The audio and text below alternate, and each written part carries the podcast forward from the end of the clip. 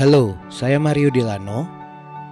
Dalam episode berkisah kali ini, saya akan membacakan kisah intoleransi dari Ricky Rinaldi yang berjudul Dari Pelukan Ibu ke Pelukan Ibu Kota.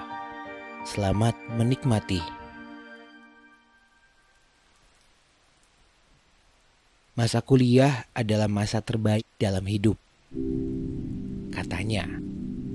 Mungkin perkataan itu benar jika kau mampu beradaptasi.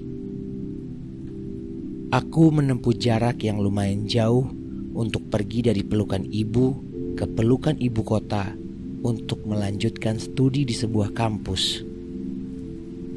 Sebelum aku pergi, ibu sempat berpesan, "Nak, kau harus pandai menjaga dan menitipkan dirimu di mana pun kau berada."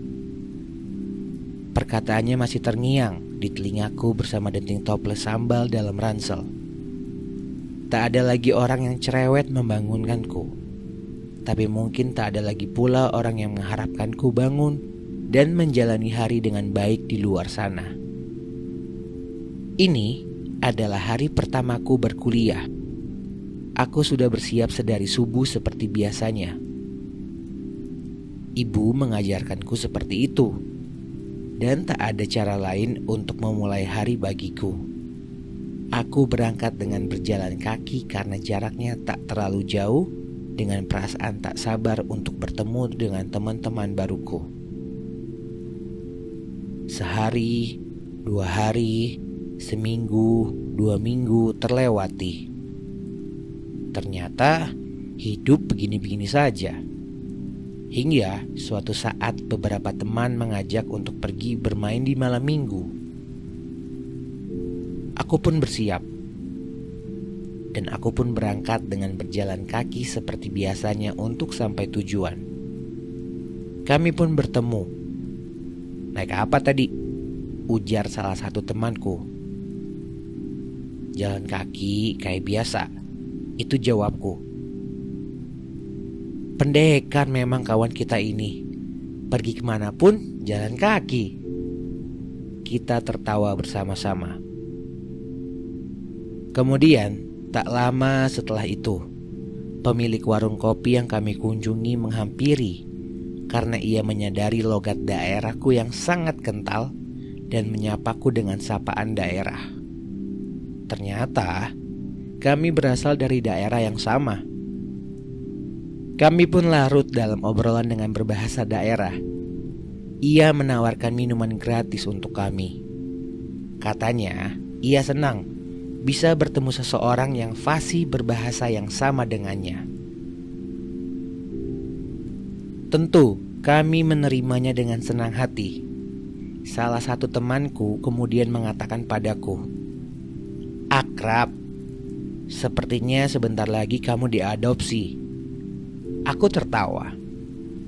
Iya, lebih cocok kamu buka warung kopi. Ujar temanku yang lain. Aku masih ikut tertawa. Lebih baik berhenti kuliah, lalu buka warung seperti ini sih. Mereka tertawa, aku tidak.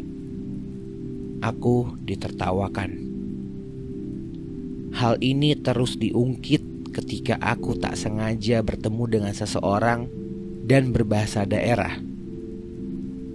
Siapa tadi? Rekan buka bisnis warung kopi.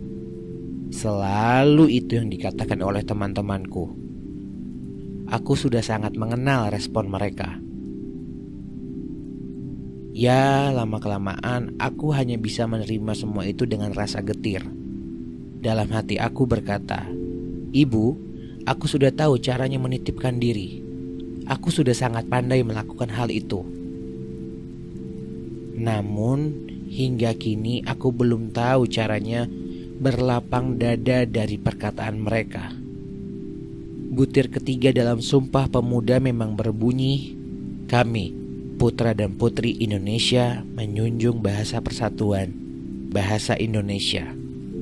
Tapi bukan berarti aku harus melupakan siapa diriku Bukan berarti berbahasa daerah berarti memecah belah.